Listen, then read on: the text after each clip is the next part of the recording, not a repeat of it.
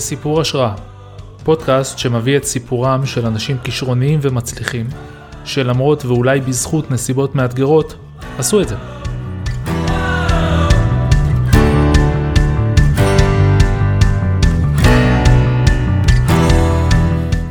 זהו סיפורו של אחד משני האנשים שהקימו את נטפליקס, והאדם שהפך את נטפליקס למובילה עולמית. כלומר, ריד הייסטינגס כסיפור ההשראה.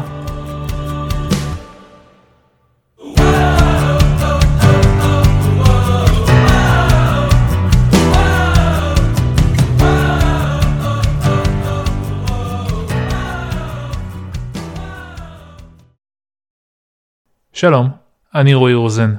אני מאמן אישי, כלומר, אני מאמן אנשים, בדגש על יזמים ותיקים וחדשים, להשיג פריצות דרך ולהגשים יעדים בקריירה ובחיים.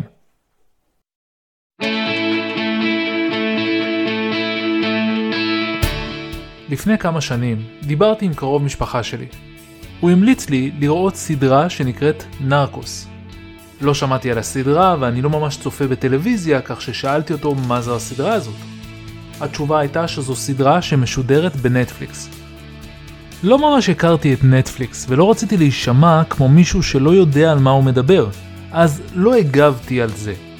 ואז נזכרתי שכשאני מנסה להסתיר את חוסר הידע שלי, כלומר להוכיח שאני כן יודע, אני פועל מתוך אגו. אז החלטתי לרדת מהאגו שלי ולשאול אותו מה זה נטפליקס. קרוב המשפחה הזה חי לפחות חצי מהזמן שלו בארצות הברית, והוא גם איש טכנולוגי, כך שהיה ברור לי שהוא ידע על דברים חדשים כאלו. הוא סיפר לי, ומאותו הרגע חיכיתי שתהיה לי האפשרות להירשם לשירות שלהם. היום אני כבר לא יודע איך אפשר בלי השירות הזה. כשיש לי זמן אני רואה סרט מהטלפון או דרך הטלוויזיה, עוצר אותו כשבא לי, וממשיך לראות כשבא לי שוב. בדיוק מה שאני אוהב. מבחינתי זו מהפכה של ממש, שנתנה לי חופש מהתלות בלוח השידורים של הרשתות למיניהם. על השירות הזה אחראי בעיקר אדם אחד, ריד הייסטינגס. ריד הוא אדם ששומר מאוד על הפרטיות שלו, כך שלא היה פשוט עבורי לבנות את סיפור ההשראה שלו. אבל, אחרי הצלבת כמה ספרים וחומרים, הצלחתי במשימה. אז בואו נתחיל בסיפור.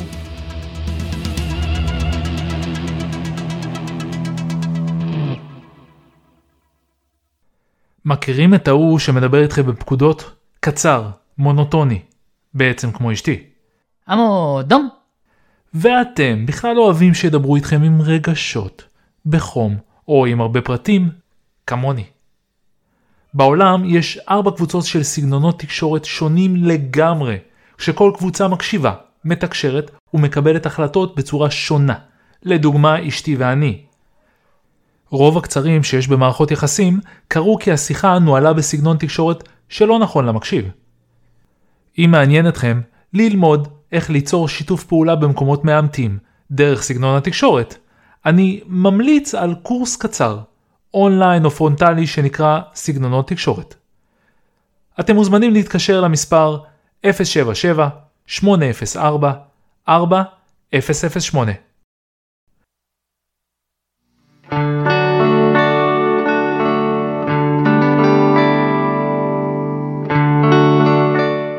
ריד הייסטינגס נולד בשנת 1960 במסצ'וסטס, ארצות הברית, בעיר שקרובה לבוסטון.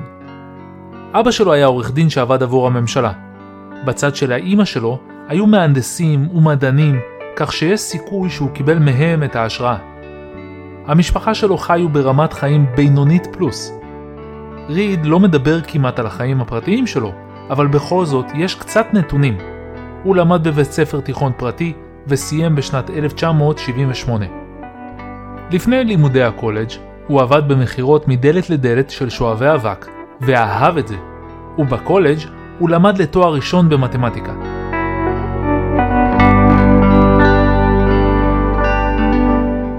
באחת מחופשות הקיץ הוא הלך למעין טירונות קדם צבאית, ושם הוא הבין שהוא לא האדם שאוהב שנותנים לו פקודות. הוא סיים את הלימודים לתואר ראשון בשנת 1983, והחליט להצטרף לחיל השלום, שמטרתו הייתה לעזור למדינות ואזורים בעולם השלישי. והוא לימד כמורה באפריקה במשך שלוש שנים. אחת מהחוויות שהוא עבר שם הייתה לטייל באפריקה, בטרמפים, כשהיו לו בכיס רק עשרה דולר. אחרי זה, אני מניח ששאר האתגרים שעברו עליו נראו מה זה קלים.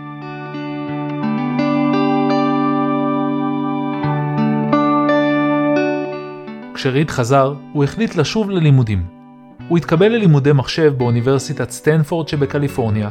הוא התמחה שם בבינה מלאכותית, והוא נהנה מאוד ממה שהוא עשה. הוא סיפר שהוא פשוט תכנת במשך כמה שנים ונהנה מזה, ושמבחינתו זה היה תחביב שהפך לעבודה. במהלך הזמן שלו שם, הוא החליט להמציא משהו חדש שיחליף את העכבר למחשב, והוא יצר עכבר ששולטים בו על ידי הרגל. אחרי כמה ניסיונות הוא הבין שהרעיון לא כל כך טוב, והוא החליט לרדת מהרעיון הזה, אבל זה היה ניסיון נפלא ביזמות טכנולוגית.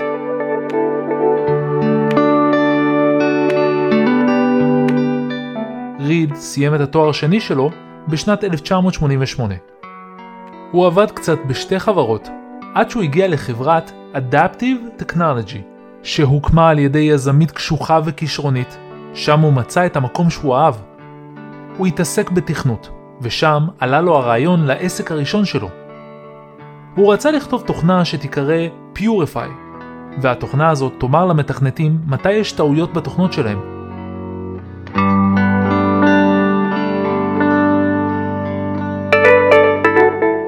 בשנת 1991, ריד עזב את העבודה שלו. הוא פתח את חברת Pure Software, ואליו הצטרף אחד מהמתכנתים מהחברה הקודמת להקים את החברה החדשה. בעצם, התוכנה שלהם עשתה את העבודה של המתכנתים קלה ומהירה יותר. הוא חיפש משקיעים לחברה. בחברה השקיעו כמה חברים ובני משפחה, כל אחד 20 אלף דולר. גם הבוסית שלו מהחברה הקודמת הצטרפה למשקיעים. היא גם ישבה בדירקטוריון של החברה, וגם הייתה מנטורית של ריד. בפיור התחילו להוציא עוד מוצרים, גייסו כמה מיליונים להשקעה והתחילו לצמוח.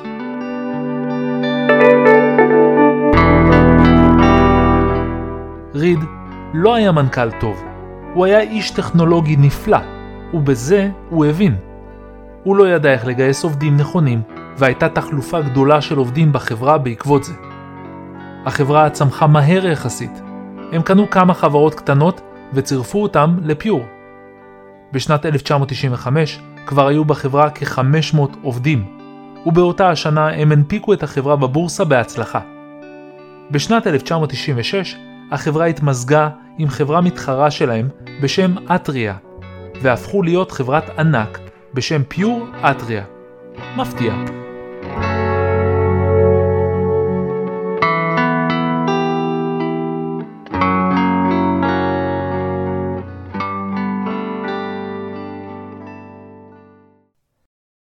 ריד היה המנכ"ל של החברה, תפקיד שהוא לא אהב. החברה המשותפת הפכה להיות בירוקרטית וכבדה. כשנעשו טעויות, הם היו עסוקים בלמצוא דרכים איך למנוע את הטעויות העתידיות, במקום להיות עסוקים בתיקונים והמצאות. אני אסביר את העניין הזה כי הוא חשוב. כשנעשתה טעות, הם ישבו וחשבו למה הטעות נעשתה, ואיך אפשר למנוע את הטעות בפעם הבאה. עד פה זה בסדר. אז הם יצרו חוק שנועד למנוע את הטעות הבאה. כשנעשתה עוד טעות, אז הם יצרו עוד חוק כדי למנוע עוד טעות, וכך הלאה. הם הגיעו למצב שבו אנשים היו יותר עסוקים בלעקוב אחרי חוקים מאשר ליצור משהו חדש, כי ליצור משהו חדש נהפך להיות מסוכן. כלומר, התרבות הפכה להיות תרבות של זהירות ולא של חדשנות. מבחינת ריד, החברה הפסיקה להיות חדשנית, והתעסקה רק בלשמור על מה שיש לה. הוא הגיש את ההתפטרות שלו לפחות פעמיים, אבל לא קיבלו אותה. בשנת 1997, החברה המשותפת נמכרה למתחרה העיקרית שלה בסכום משוער של כ-750 מיליון דולר. כדי להבין טוב יותר את ההקמה של נטפליקס, בואו נספר על השותף של ריד להקמה.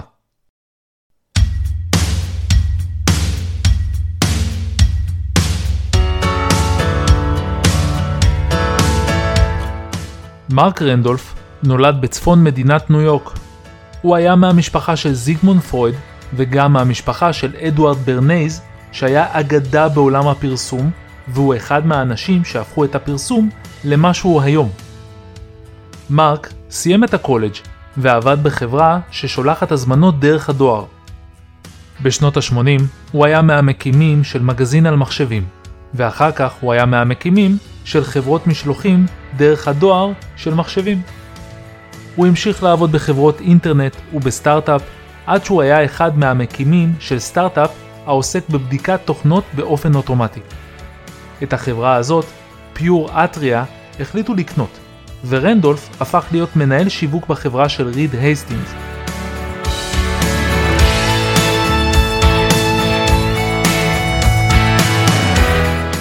הם גרו קרוב אחד לשני, והם יצרו ביניהם שותפות.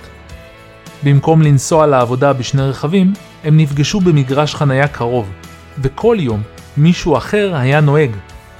בשלב הזה, ריד כבר היה עסוק בעסקת המכירה של פיור אטריה. מרק, שידע שבקרוב החברה תימכר, ואז לא תהיה לו עבודה, חיפש רעיון לסטארט-אפ חדש.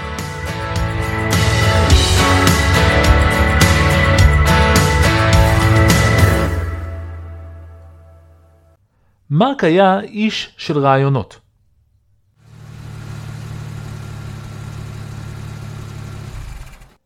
היי ריד, אני מה זה מצטער על האיחור, פשוט השכן שלי חסם לי את הרכב הבוקר והייתי צריך לומר לו להזיז את הרכב, וכמובן שזה לקח זמן. מרק, רוב הזמן אתה מאחר. יש סיכוי שאתה לא מתכנן את הנסיעה שלך נכון ולא יוצא בזמן? למה? הנסיעה לפה לוקחת רבע שעה, אז אני יוצא רבע שעה לפני שאני צריך להיות פה. הנה הבעיה. אתה לא מאפשר לעצמך זמן לתקלות ולהפרעות, ולכן אתה מאחר. וואלה, יש בזה משהו. ריד, חשבתי על רעיון חדש לעסק. בוא נשלח דרך האינטרנט לאנשים אוכל מותאם אישית לחיות מחמד. Hmm, תן לי לחשוב על זה. תראה, זה לא יעבוד. יעלה לנו יותר מדי כסף לייצר לכל חיה את האוכל המיוחד שלה. חוץ מזה, שאנחנו נהיה חשופים לתביעות מול הלקוחות. תביעות? כן, אם טעינו באוכל של החיה, או שהחיה תהיה אלרגית למרכיב מסוים באוכל, אפשר יהיה לתבוע אותנו. יש בזה משהו. תראה, יש לי עוד רעיון מעולה. פה נשלח לאנשים, שם פה, שיהיה מותאם אישית ללקוח. Hmm. זה לא יעבוד. מאותם הסיבות שאמרתי מקודם. יו, נכון. טוב, תן לי לחשוב על רעיון חדש.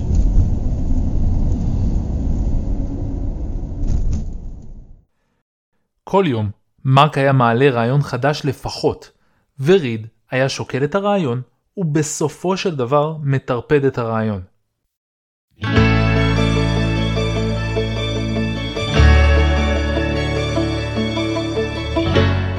באחת מהנסיעות שלהם בשנת 1997, מרק הציע שהם ישכירו דרך האינטרנט קלטות וידאו וישלחו אותם דרך הדואר. ריד חשב על הרעיון במשך כמה שניות ארוכות. חישב בראש שלו דברים, ואז אמר, האמת שזה לא רעיון רע בכלל. לפני כמה זמן שכרתי קלטת וידאו מבלוקבאסטר של הסרט אפולו 13. לא החזרתי אותו בזמן, והייתי צריך לשלם קנס של 40 דולר על האיחור. יש לרעיון הזה פוטנציאל.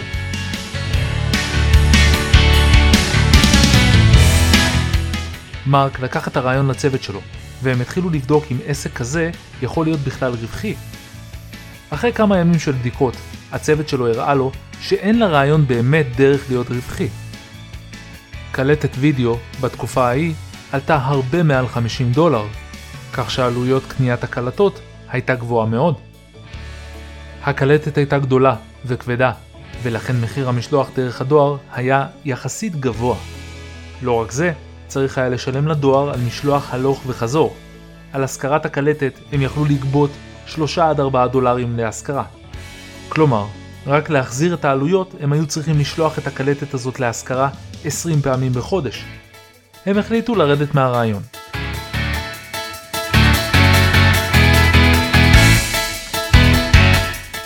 כמה זמן אחרי זה, מרק שמע על מוצר חדש, DVD. למי שלא יודע מה זה DVD, זה בעצם דיסק מוכסף, שעליו יש נתונים של סרט. כשהכניסו אותו לתוך מכשיר ה-DVD, היה אפשר לראות את הסרט. אני זוכר שפעם זו הייתה טכנולוגיה פורצת דרך, וממש התרגשתי. יואו, אני נשמע מה זה זקן פתאום. נמשיך.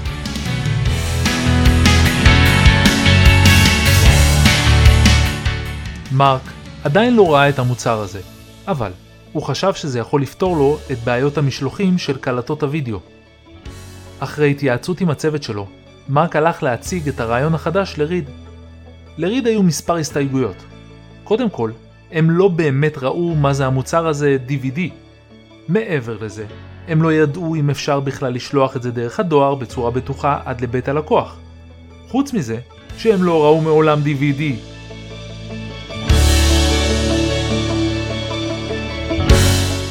הם החליטו לנסות לשלוח בדואר משהו דומה. דיסק CD רגיל של מוזיקה.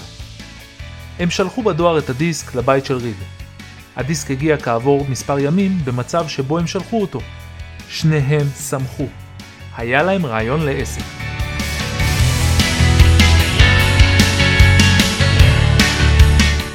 דרך אגב, כמה חודשים מאוחר יותר, מרק עשה מחקר על דרך המשלוח של הדואר, וגילה שאם הם היו שולחים את הדיסק למיקום אחר בקליפורניה או מחוץ לקליפורניה, רוב הסיכויים שהדיסק היה נפגע.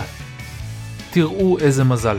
שינוי קטן בפעולות שלהם היה יכול ליצור מצב שלא היה היום נטפליקס.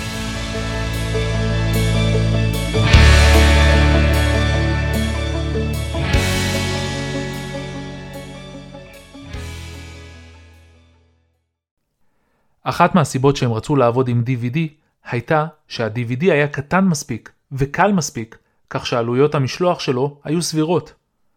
מרק וריד החליטו לפתוח את העסק, ולחלק ביניהם את המניות שווה בשווה.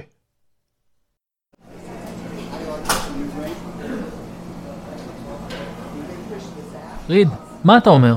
בכמה כסף נעריך את שווי החברה? תן לי לחשוב על זה. אני חושב שהחברה צריכה להיות שווה מיליון דולר. זה סכום טוב מאוד וייתן לנו התחלה טובה לפנות למשקיעים ולקבל השקעות בהתאם. שלושה מיליון דולר. מה שלושה מיליון דולר?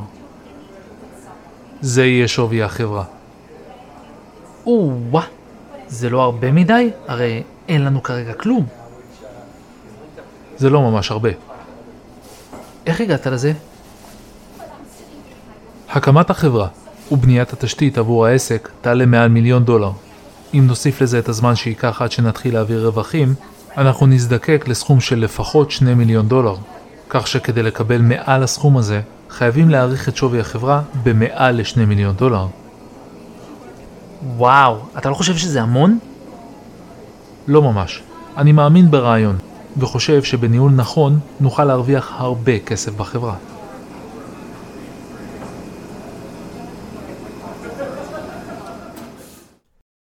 הם החליטו שהחברה שווה 3 מיליון דולר. כשאני אומר חברה, אני מתכוון לשני אנשים עם רעיון, כי זה מה שהיה להם. אבל ככה זה בסטארט-אפים. הרעיון עצמו שווה כסף, כמובן אם מישהו מוכן להשקיע ברעיון. מה שנשאר להם עכשיו זה לגייס משקיעים.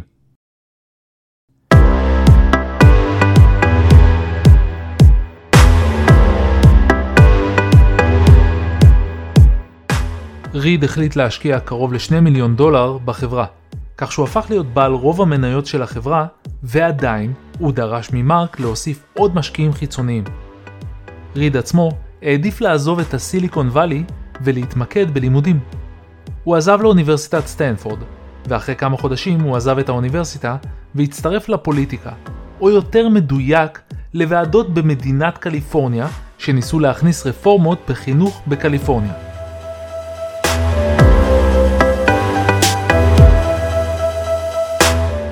מרק קיבל את תפקיד מנכ"ל החברה. בתור מנכ"ל החברה, הוא קיבל כמות אופציות נכבדת מאוד. הוא היה רק בן 39, יזם כבר לא כל כך צעיר. הוא התחיל לחפש משקיעים חדשים.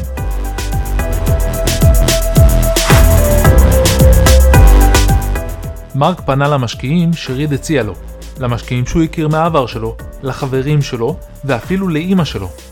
זו הייתה דרישה של ריד שמרק יצרף אנשים נוספים, לא בגלל שהוא חשב שהם באמת יכולים להוסיף כמות משמעותית של כסף, אלא יותר כדי לוודא שמרק יהיה מחויב לפרויקט. תחשבו על זה לרגע. אם מרק מכניס אנשים שהוא מכיר להשקעה בעסק, מה הסיכוי שמרק יפרוש או לא ייתן את המאה אחוז שלו ברגעים המאתגרים?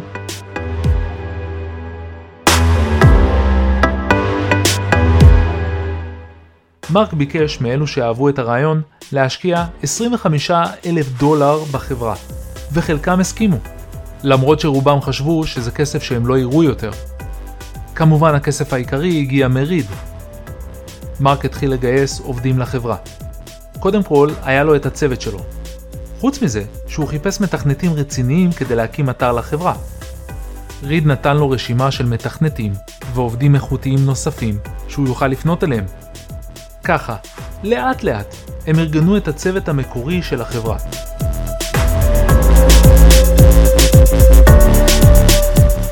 לבנות אתר בתקופה ההיא זה היה סיפור יקר. היום יש חברות שמאפשרות לבנות אתר בתוך כמה שעות, אבל פעם זה היה סיפור מורכב הרבה יותר.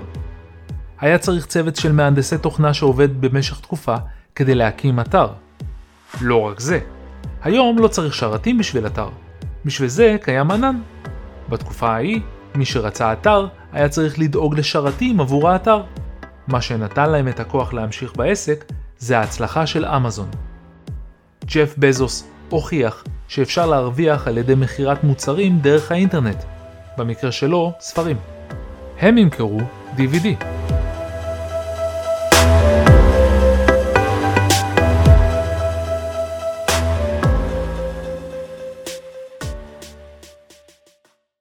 מרק המשיך להביא עובדים איכותיים. במקרה אחד, הוא הלך לתערוכה בלאס וגאס, שהייתה תערוכה גדולה מאוד בתחום קלטות הוידאו. שם, הוא פגש מישהו שהבין ממש בתחום. הוא לא ידע שאותו האדם הקים מספר חנויות, והיה המנכ"ל של רשת חנויות להשכרת קלטות וידאו. הם דיברו ביניהם, ומרק שמע שלאדם הזה יש המון ידע בסרטים, באיך לבחור סרטים מצליחים, איך התחום עובד ואיך להתעסק עם ספקים. בתקופה שאחרי אותה תערוכה, מרק נהג להתייעץ עם אותו האדם, שקראו לו מיץ', ואפילו הציע לו להצטרף לחברה.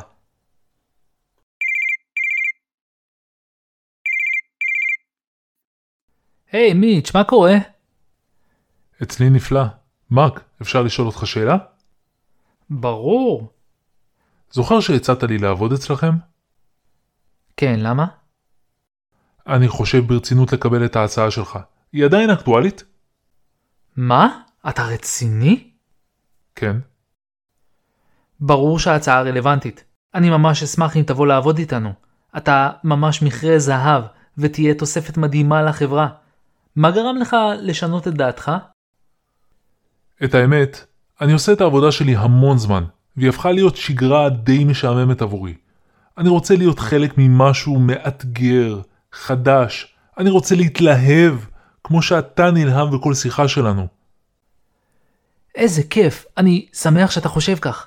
רק דבר אחד, אתה מבין שאנחנו חברת סטארט-אפ ולא יכולים לשלם לך את מה שאתה מקבל עכשיו? כן, תיארתי לעצמי שזה מה שיקרה. אני בסדר עם זה. אני בטוח שנוכל להסתדר עם חבילת אופציות בחברה, כך שכשהחברה תצליח, זה ישתלם לי. ברור. יאללה, אני ממש מתרגש לקראתך.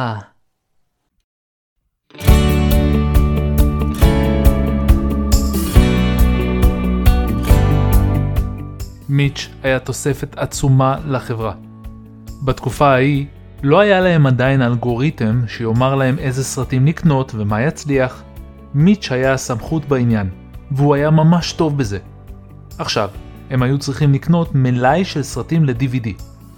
הבעיה הייתה שלא היה כזה מלאי, היו רק כמה מאות סרטים שהאולפנים העבירו אותם לפורמט של DVD, ורובם היו בכלל סרטים דוקומנטריים, סרטי ספורט, סרטי טבע וסרטים סוג ב'.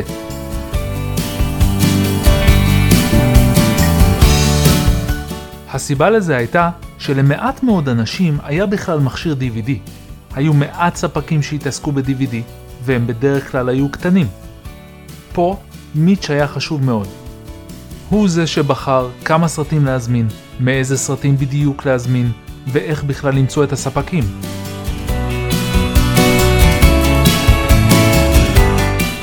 הם התחילו לחשוב על שיווק. אחד מהדברים שהם החליטו לעשות זה להיכנס לפורומים של אנשים שהיו להם מכשירים, וליצור שם דמות פיקטיבית שתהיה אקטיבית בכל מיני שיחות, ואז, כשהחברה תצא באופן רשמי, לומר שראיתי אתר מדהים ששולח DVD.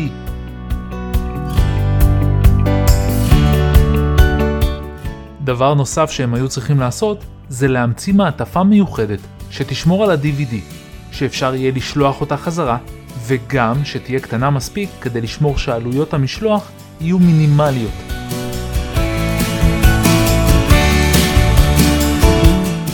כדי שכל הדברים האלה ודברים נוספים יקרו בצורה הטובה ביותר, מרק החליט שהוא פועל עם העובדים בגישה מיוחדת. הוא נתן להם חופש לנהל את הפרויקטים שלהם לבד. הוא בחר מבחינתו את העובדים הטובים ביותר שיש, וזה אמר שהוא שמח עליהם. ברגע שהוא שמח עליהם, נשאר רק לומר להם מה הוא רוצה שיקרה, ולתת להם למצוא את הדרך להגיע לשם. וזה עבד. הם היו יצירתיים, עבדו שעות נוספות כדי להקים את החברה, ונהנו.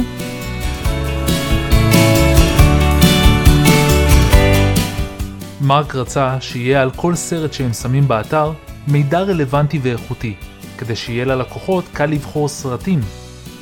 בשביל זה, הם היו צריכים לקנות את המידע ממישהו שהתמחה במידע נרחב ומדויק על סרטים.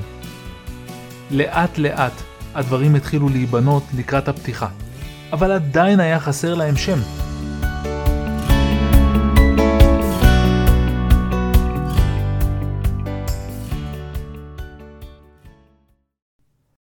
השם המקורי שנבחר לחברה היה קיבל. הוא נבחר בגלל שהוא היה כל כך לא מתאים, שזה בעצם הכריח אותם לשנות את השם מאוחר יותר, כשזה יהיה רלוונטי. כשרגע ההשקה התקרב, הם החליטו שהגיע הזמן לשנות לשם מתאים. הם ישבו ביחד, חילקו לוח לשני חלקים, וכתבו על הלוח בחלק אחד שמות שמתייחסים לסרטים, ובחלק השני שמות שהיו קשורים לאינטרנט. היו הרבה שמות, וביניהם גם החיבור של נט ופליקס, שזה כינוי של סרטים. אף אחד לא אהב את השם נטפליקס. הכינוי פליקס הזכיר לרבים את עולם הפורנו, במיוחד עם ה-X בשם. הם לא הצליחו להחליט על שם. הגיע הרגע לבחור. הם הדפיסו את רשימת השמות, וכולם הלכו ללילה כדי לחשוב. בבוקר לא הייתה הצבעה או משהו מסודר, פשוט זה נראה היה שכולם הסכימו על השם נטפליקס. ככה, בפשטות, השם נבחר.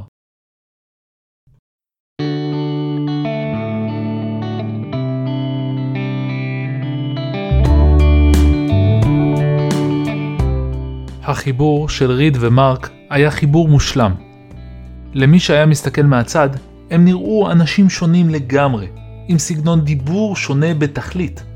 מי שיודע לזהות את סגנונות התקשורת, יכול לזהות שלכל אחד מהם היה סגנון תקשורת שונה. בכל זאת, שניהם הבינו אחד את השני, הכילו אחד את השני, ולמדו להביא לשותפות ביניהם את היתרונות היחסיים של כל אחד מהם. בפרק הבא נשמע על רגע ההשקה של נטפליקס. נשמע על האתגרים הראשוניים של הקמת העסק ועל ההצלחות שבדרך. נשמע גם על פגישת עסקים מפתיעה או אולי לא ממש מפתיעה שהם קיימו. ונשמע גם על טעויות גדולות שמרק עשה בעסק ועל המשבר שנוצר בעקבות הטעויות האלה. בקיצור, יהיה מעניין.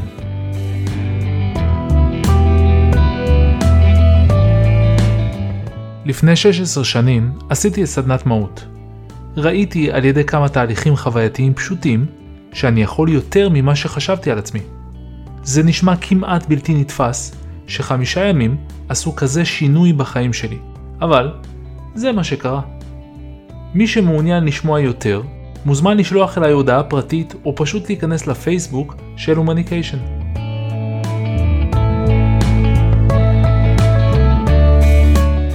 אם אהבתם את הפודקאסט, אתם יותר ממוזמנים לשתף אחרים. אתם גם מוזמנים לעקוב אחרי הפודקאסט בדף הפייסבוק המיוחד שיצרתי עבורו. הדף נקרא בשם המפתיע כסיפור השראה. אני אשמח לקרוא הצעות שלכם על אנשים שהייתם מעוניינים לשמוע עליהם. בנוסף, למי שמעוניין באימון אישי, פרסום בפודקאסט, הרצאה או עצה טובה לאתגר שיש לכם, מוזמן לשלוח אליי הודעה. הערה חשובה בפרקים יש קטעים של שיחות בין אנשים. חשוב לי להדגיש שהשיחות לאו דווקא נאמרו על ידי הדמויות האמיתיות. התוכן של השיחות הוא אמיתי, על פי המחקר שעשיתי, אבל אין דרך אמיתית לדעת מה בדיוק נאמר בשיחות. את השיחות האלו, לרוב, אני מדבב. לפעמים בעזרת הבנות שלי ולפעמים בעזרת אחרים. אמנם לא הכל באמת נאמר בשיחות המקוריות, אבל השיחות נועדו לתת תחושה מסוימת, להציג אווירה ספציפית או להדגיש מקרה מסוים. אני הייתי רועי רוזן, ניפגש בפרק הבא.